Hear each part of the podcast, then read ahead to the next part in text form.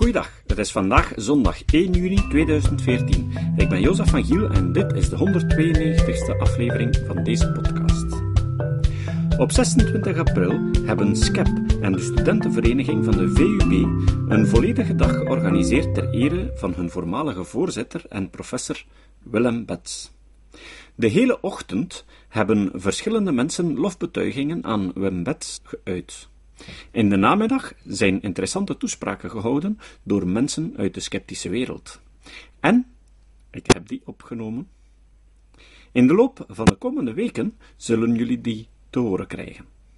Ondanks het feit dat hij zelf erg ziek was die dag, is hij toch komen opdagen. Tegen de middag werd het wat te zwaar voor hem en heeft hij beslist om toch maar naar huis te gaan.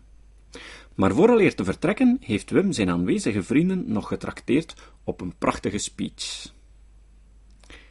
En die horen jullie nu. Ik vind het uh, prachtig dat je in deze omstandigheden toch naar hier gekomen zijn om uh, bij ons te zijn, op te vieren. We gaan u heel erg gemist hebben.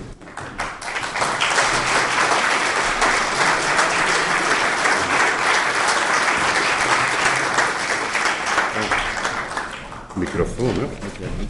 Een blauwe stiel. Zal we me hier aan vastzetten? Ja. Ja, ze moet lopen met de Oh, Zo, andere dicht. Ja, het is Zoiets. Hoorbaar. Ja, goedemiddag en mijn excuses. Maar ik ben echt eh, de laatste twee dagen doodziek geweest. En ik overdrijf niet als ik zeg, ik heb vannacht getwijfeld of dat ik naar het hospitaal zou gaan of dat ik naar hier zou komen. Zoals gehoord, mijn probleem is, ik ben enorm kortademig. Eh, en er was dus voorzien dat na al die loftuigingen, waarvan ik eigenlijk begin te blozen, eh, een, een samenvattend woord zou zeggen. Natuurlijk heb ik vals gespeeld. Ik heb een paar ideeën op papier gezet. Ik dacht, dat kan ik misschien gebruiken op het einde. En wat heb ik hier zo allemaal op dat papier staan? Dit gaat geen samenhangend betoog worden. Dat zullen hoogstens een paar anekdotes, schetsen zijn van wat er misschien gaande is. Eh, het gaat natuurlijk vooral over erkenning van alternatieve of niet bewezen behandelingen.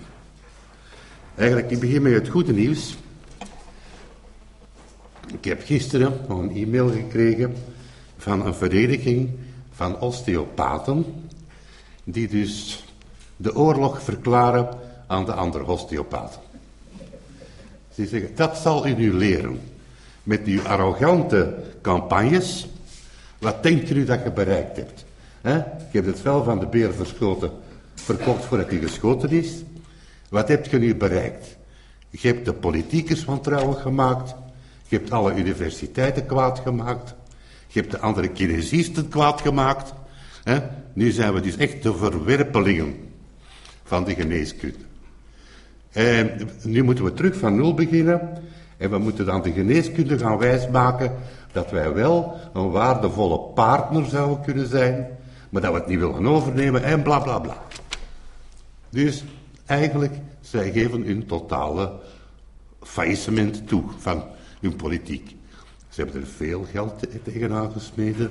Ze hebben dure advocaten betaald. Ze hebben dure consultatiebureaus betaald. En alles omzonst. Iets waar ze zeer triomfantelijk over waren, is dat ze twee jaar geleden voor een Brusselse rechtbank gelijk kregen die de staat, dus het ministerie, in gebreken stelde, dat hij nog altijd de wet Cola niet had uitgevoerd, waardoor dat zij dus hun kans op erkenning hebben mislopen.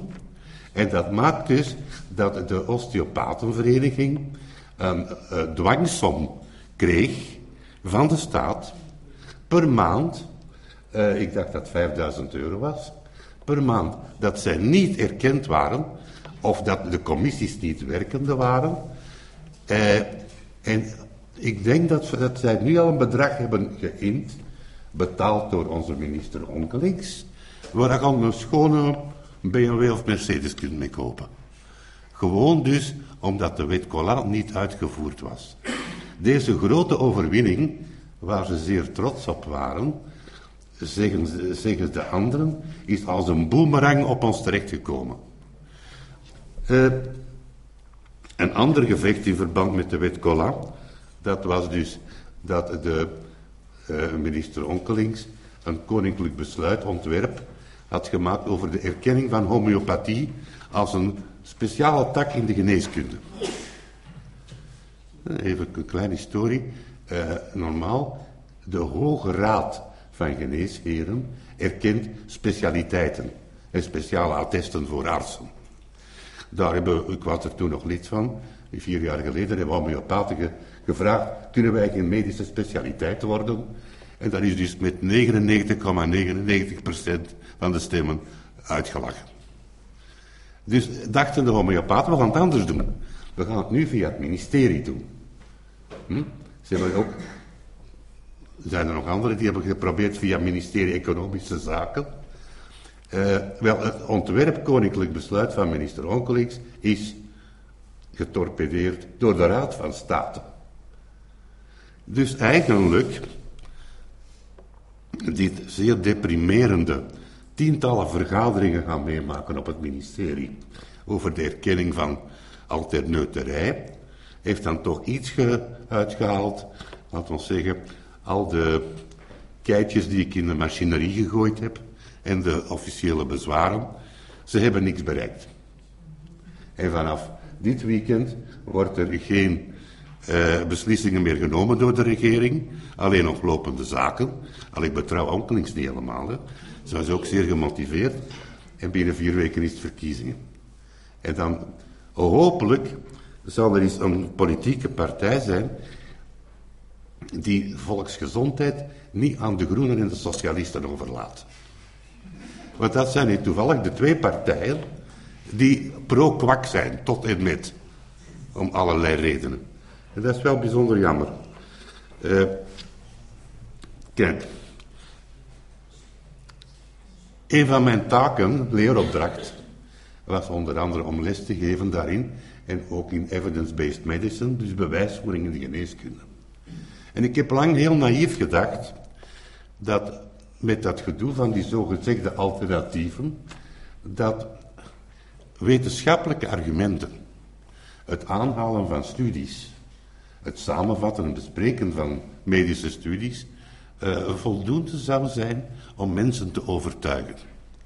Dat was dus een zeer jammerlijke illusie. Als je bij een politieker of bij de bevolking in het algemeen komt met medische studies, die lacht u uit. Die bekijken dat niet. Die zijn gewoonweg niet geïnteresseerd wat de wetenschap zegt. Of ze doen het omgekeerde. Ik heb er voorbeelden van gezien in die laatste commissies. Ze geven aan de minister een heel lange lijst met studies die bewijzen dat homeopathie werkt. Als je die studies begint te lezen, en die tactiek, dat doen ze al dertig jaar. De tweede studie die ik opendeed, opzocht. Dus je moet ze zoeken hè, en lezen. Die zegt, ja, maar dat werkt niet, dat doet niks. Maar dat staat op de lijst van bewijzen. En dat doen ze dus regelmatig. Hè. Ze geven u zoveel titels, dat je normaal mens daar niet aan begint. En zeggen, oh ja, zegt die politieker. Dat is toch wel veel bewijs. Maar dan is er niet aan toe nadenken. Hè. Denk, neem nu die wet Collat, de erkenning van homeopathie en, en de andere kwakkerijen. Eh, de Koninklijke Academie voor Geneeskunde. Er zijn er twee. Een Vlaamse en een Franstalige. Die hebben een prachtig document gemaakt, een standpunt, over onder andere homeopathie. En die zeggen heel duidelijk, het doet niks, het is placebo. Dus, dus het is een illusie. Onze regering heeft een duur, goed gesubsidieerd, federaal kenniscentrum voor de gezondheid. Het KCE. Die hebben schitterende rapporten gemaakt over osteopathie, chiropractie, acupunctuur, homeopathie. Over homeopathie zeggen ze, het doet niks. Het is pompwater, het zijn illusies. Twee academisch. Het eigen federaal kenniscentrum.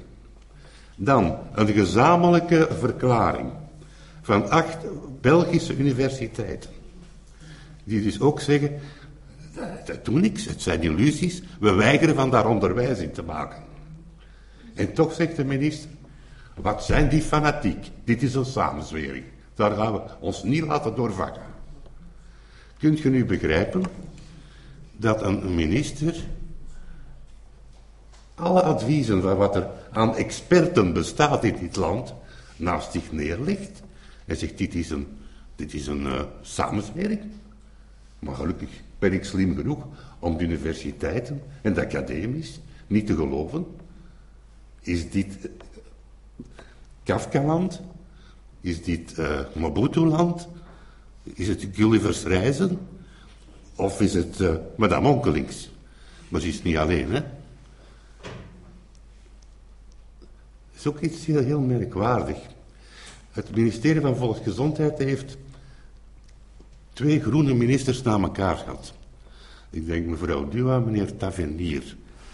En ik denk dat ministers moet zoiets zijn als muizen. Dat laat sporen na, als dat ergens geweest is.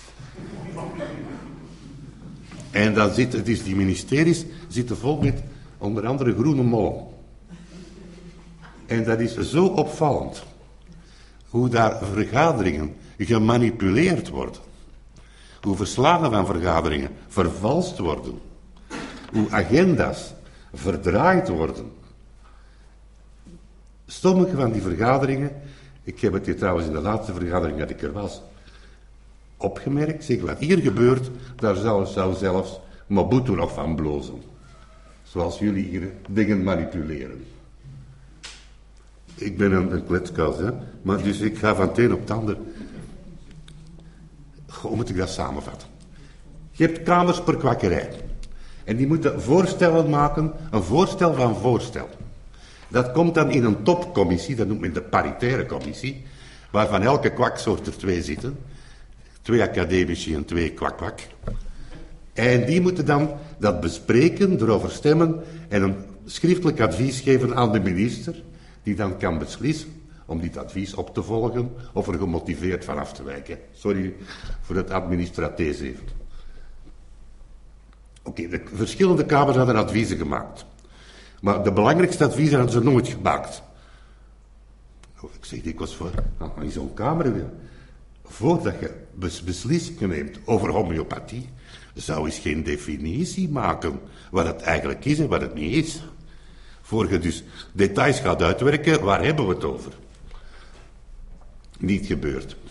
En die aantal van die adviezen, die zijn dus nooit door de administratie, die elke vergadering voorzit, aan de paritaire commissie voorgelegd. Ze hadden de paritaire commissie al, al 14 maanden niet meer bij elkaar geroepen.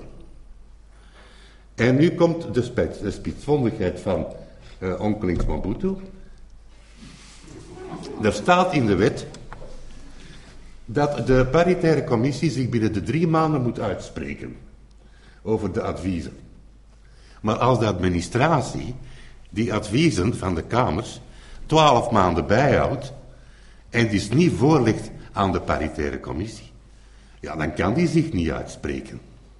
De bedoeling van de wetgever was natuurlijk, als ze niet uitgeraken, hè, dan zegt de wet, als ze er echt niet uitgeraken binnen de drie maanden, dan moeten ze elk van de partijen hun standpunt op papier zetten en die aparte standpunten worden aan de minister gegeven.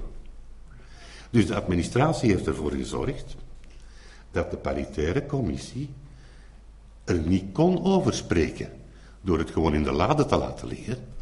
Dan daarna te zeggen de twaalf maanden zijn voorbij. Waarop je dan zegt, oké, wij zullen als universitairen ons standpunt hierover geven, op papier. En de anderen doen dat dan ook. Nee, nee, we gaan noteren wat er nu gezegd wordt. En de ene zegt bla bla, de ander zegt bla bla. En de ene zegt patati, de ander patata. Grootste idiotieën, verstandige dingen. En de administratie schrijft dat op. We hebben geen zicht op wat daar juist geschreven is.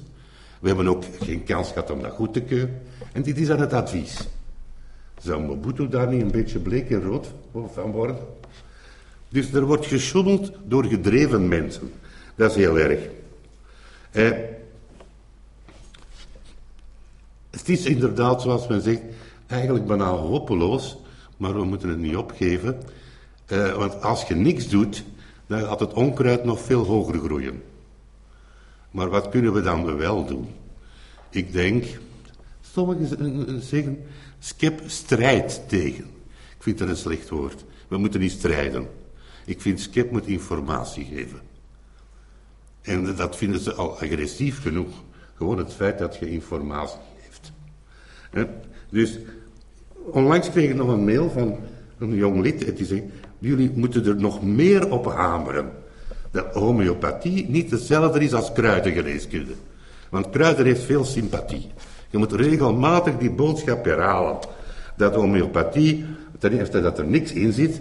En wat er zo gezegd zou inzitten, is gewoon te gek om los te lopen. Geen kruiden, maar wel petroleum, melk van de kat, melk van de hond, melk van de tijger.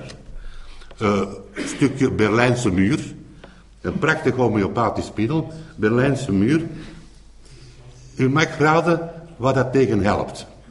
Tegen het gevoel opgesloten te zijn. Staat, staat daarin, hè. Dus je neemt een stukje Berlijnse muur, maalt dat fijn, schudt daarmee en verdunt het. Uh, zonneschijn, dat is dus, je zet een flesje water in de zon, hè, een paar uren, en dan zit dat zonneschijn in water, en dat verdunt je dan met water. Je schudt ermee. En dan heb je het middel sol. Dat geeft vooral als je gevoelig bent voor licht en zo. Een belangrijk middel in de homeopathie is kakkerlak natuurlijk. Cockroach in het Engels. Blatta, blatta in het Latijn, blatta orientalis. En dan een, een prachtige Duitse uitvinding, excrementum caninum. Voor degenen die niet meer zo goed zijn in het Latijn. Stront van de hond. Maar lach daar niet mee. Dat is niet gelijk welke hond. Dat moet een bepaald Duits ras van hond zijn. Dat op een bepaalde manier opgekweekt is. Die ook een heel speciaal dieet heeft. En die kaka moet ook in heel speciale omstandigheden uh, opgevangen worden. Maar ik kan je geruststellen, met één drol kun je dus de hele wereld van homeopathie voorzien gedurende vele jaren. Dat is heel belangrijk. Dat we de mensen zeggen, het is niet alleen kruidengeneeskunde. Hm? Eh, we moeten ook de mensen en onze leden leren praten en discussiëren met de meest gebruikte kwakargumenten. Hm? Eh, als iemand een kritische voordracht geeft, zoals ik er veel gedaan heb, komt er altijd iemand. Je kunt zeggen wat je wilt met die wetenschap. Maar mijn kleinkindje, hè, dat is oh, ziek, ziek. En de dokters konden niks. Het kind was vergiftigd van de antibiotica. En dan kwam de homeopaat en, en dan heeft eerst al het vergiever moeten uithalen. En dan was het kindje genezen. Ik zeg mevrouw, gewoon als ik voordrachten ga geven, dus ik op twee knieën. Mensen, geen anekdotes, alstublieft. Geen anekdotes, dat bewijst niks. Ja, maar toch, mijn kindje, hè. verdorie. Wel, hoe kun je erop antwoorden? Zeg, met anekdotes kun je alles bewijzen. Een van mijn meest sympathieke patiënten als arts, dat was een man die in de 90 jaar oud was, die heel zijn leven twee pakken sigaretten, Lucky Strike, per, rookte per dag en een fles whisky dronk, minstens één. Hij is in de 90 jaar geworden en die mankeerde niks. Die was zo gezond als iets. Dus, als je oud en gezond wilt worden, twee pakken Lucky Strike per dag en een fles whisky. Ja, dan lachen ze. Zeg, ik, maar mijn getuigenis is even juist als die van u. Zeg, wat zou het verschil kunnen zijn? Nog even iets anders. Zeg, ja, bijvoorbeeld de beroemde Sylvia Millikan, die, die dan schandalig gekrepeerd is aan kanker, omdat ze die bij allerlei kwakzalvers ging. Dan zeg ik, ja, maar ik ken niet een tante van mij, hè, en die ging naar het universitair ziekenhuis. Maar die is ook gestorven hoor. Dat was ook de vogel voor de kat. En wat antwoord je daarop? Zeg, mevrouw, uw verhaal is zeker juist. Ik geloof u. Wat is nu het verschil tussen kwak en iets dat werkt? Zeg, dat stellen op de vingertjes. Hoeveel gaan er naar de kwak? En hoeveel gaan er naar een academisch ziekenhuis? En hoeveel procent daarvan genezen? En hoeveel procent niet? Zo eenvoudig is het. En als je bijvoorbeeld met die kanker naar een academisch ziekenhuis gaat, heb je acht kansen op tien te genezen. Gaat je met die kanker naar dokter Kwak, heb je nul kansen op tien om te genezen. Overtuigt u dat? mensen hebben een enkel aan het woord statistiek. Hè? Die statistiek kunt je alles bewijzen. Dat is toch iets raar. Het zijn een paar tips voor in het dagelijkse gesprek. Hoe je mensen kunt trachten te overtuigen zonder ze te agressief te maken. En ik ga eindigen met één kleine anekdote. Ik heb al lang gezegd. Uh, ik ben ooit vier, vijf jaar lang lid geweest van het KOST B4, programma van de Europese Unie. KOST is een afkorting van Cooperation for Science and Technology. En dat is dus eigenlijk begonnen, dat is de Europese Unie betaalt voor, voor reiskosten en verblijf, om, voor experten om elkaar te ontmoeten rond een bepaald thema. En het thema was het onderzoeken en erkennen van alternatieve geneeswijzen. En het begon eigenlijk met een Finse professor, die via sceptische organisaties aan ons vroeg, eh, België stuurt afgevaardigden. Want er is een cost cooperation opgericht. Het zit vol met kwaks. En het wordt tijd dat een paar universitairen ook komen meedoen. Een noodkreet vanuit Finland. Oké, ik maak het kort. Ik ben benoemd als Belgisch afgevaardigde. Maar voor de balans, de tweede afgevaardigde, was het opperhoofd van de homeopaten. Dokter van Walsnoven. We gaan naar de eerste vergadering. In de Hilton, vlak aan, aan Zaventem. En de voorzitter van een wetenschappelijke coöperatie is een, een Zwitserse zakenman, betaald door Nestlé, die aan het kijken waar er geld in zat. En die zegt, ja, welkom collega's. En wij moeten dus nu een memorandum opstellen. Hoe kunnen wij alternatieve geneeskunde bevorderen? Waarop ik zei, we zouden eens eerst niet nakijken of dat werkt. IJzige stilte. En net, ik had het gevoel dat ik een Palestijn was die zijn jas open deed en dat er allemaal een bom rond. Zo werd ik aangekeken. Dus in, in heel dat programma hebben dus de alternatieven altijd een meerderheid gehad. Zij waren daar, zij stemden daar. En toch is er nog een document uitgekomen dat nog niet zo slecht is. Maar inderdaad, Europa het grote kwaad is gebeurd in Europa. Nu 15 jaar geleden. Op een bepaald moment heeft men gezegd, toen ze dus grote kuis aan doen waren in de medicamenten, er zijn er duizenden verdwenen, omdat ze niet werkten, onveilig waren. Uit de apotheek zijn duizenden middelen verdwenen, de laatste 20, 30 jaar. Homeopathie is een, iets anders. Dat is een medisch product, HMP, homeopathisch medisch product. Dat mag dus in de apotheek verkocht worden, enkel in de apotheek.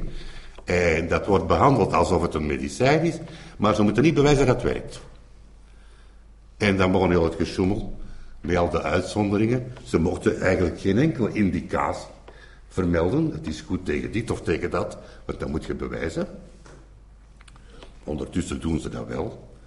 Ze liegen erop los, ze beweren van alles. Uh, zij mogen zelfs, en dat is de grote schande, op het etiket van een homeopathisch middel producten schrijven die er niet in zitten.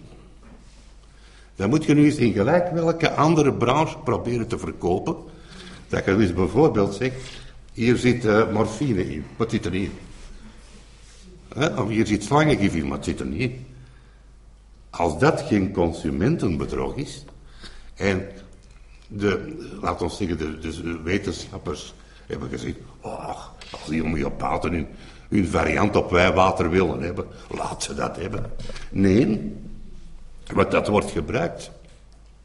Nu is elke staat verplicht om in zijn ministerie een commissie te hebben om homeopathische medicijnen te registreren. Een paar jaar geleden kwam er dus een hulp, kreet van, het zijn gewoonlijk emeritus professor farmacologie, van dit is te gek.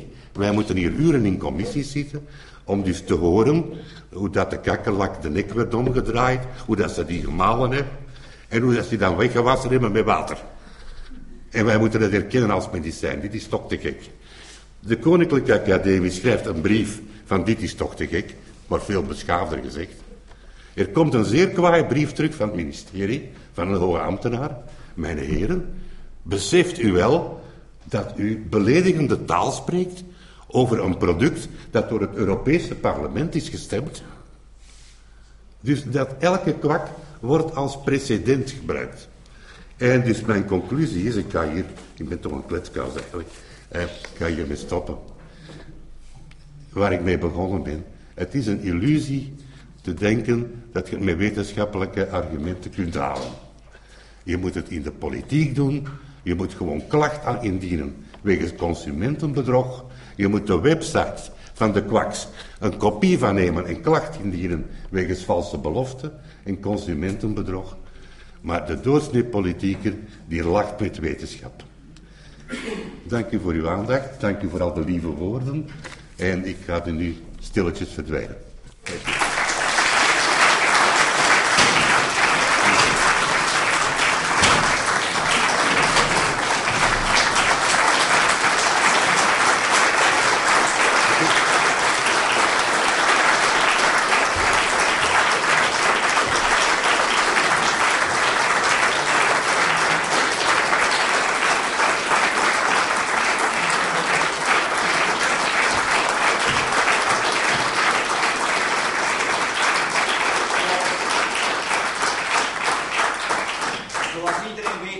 Achter elke grote man staat een grote vrouw.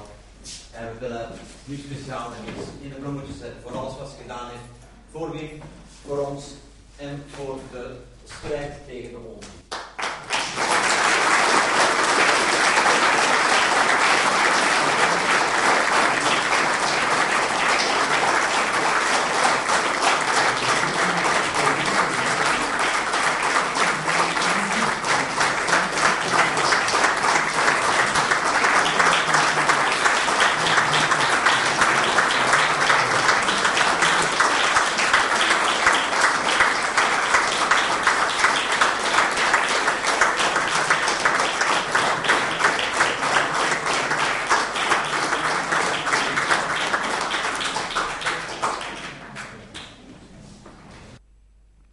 Ik wou jullie ook nog dat applaus aan het einde laten horen.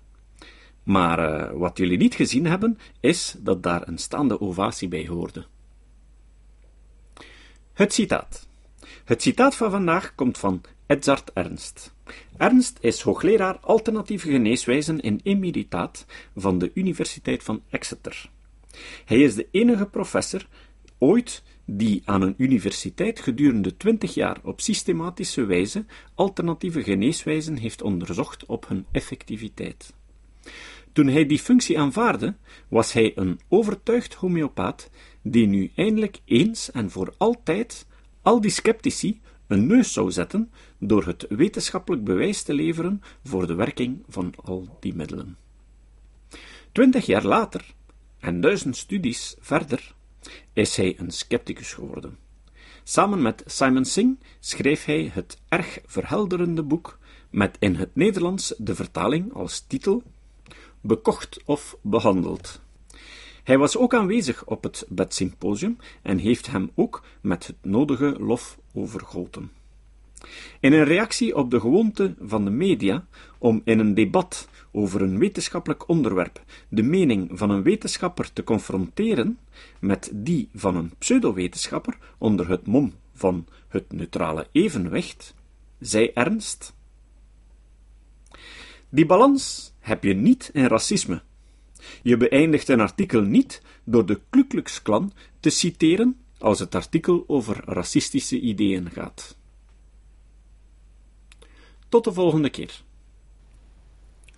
De productie van deze podcast is mogelijk dankzij de medewerking van Riek de Laat, Emiel Dengemans, Leon Kortweg, Stefan Sutens en de muziek van Nick Lucassen. En natuurlijk ook de steun van vele luisteraars. Op onze website onder menu steunen kan je vinden op welke manier je ons kan helpen de sceptische boodschap verder uit te dragen. Dit was de podcast Kritisch Denken. Vergeet niet om alles kritisch te behandelen, ook deze podcast. Voor verdere informatie over deze podcast, links en voor de tekst, surf naar www.kritischdenken.info. Als je deze podcast belangrijk vindt, kun je me steunen door anderen warm te maken ook eens te luisteren. Stuur een e-mail naar vrienden met een link naar de website en plaats de link in de handtekening van je e-mails. Tevens kun je op iTunes deze podcast een beoordeling geven of een recensie schrijven. Of je kan op je eigen website of blog een link naar kritisch denken plaatsen.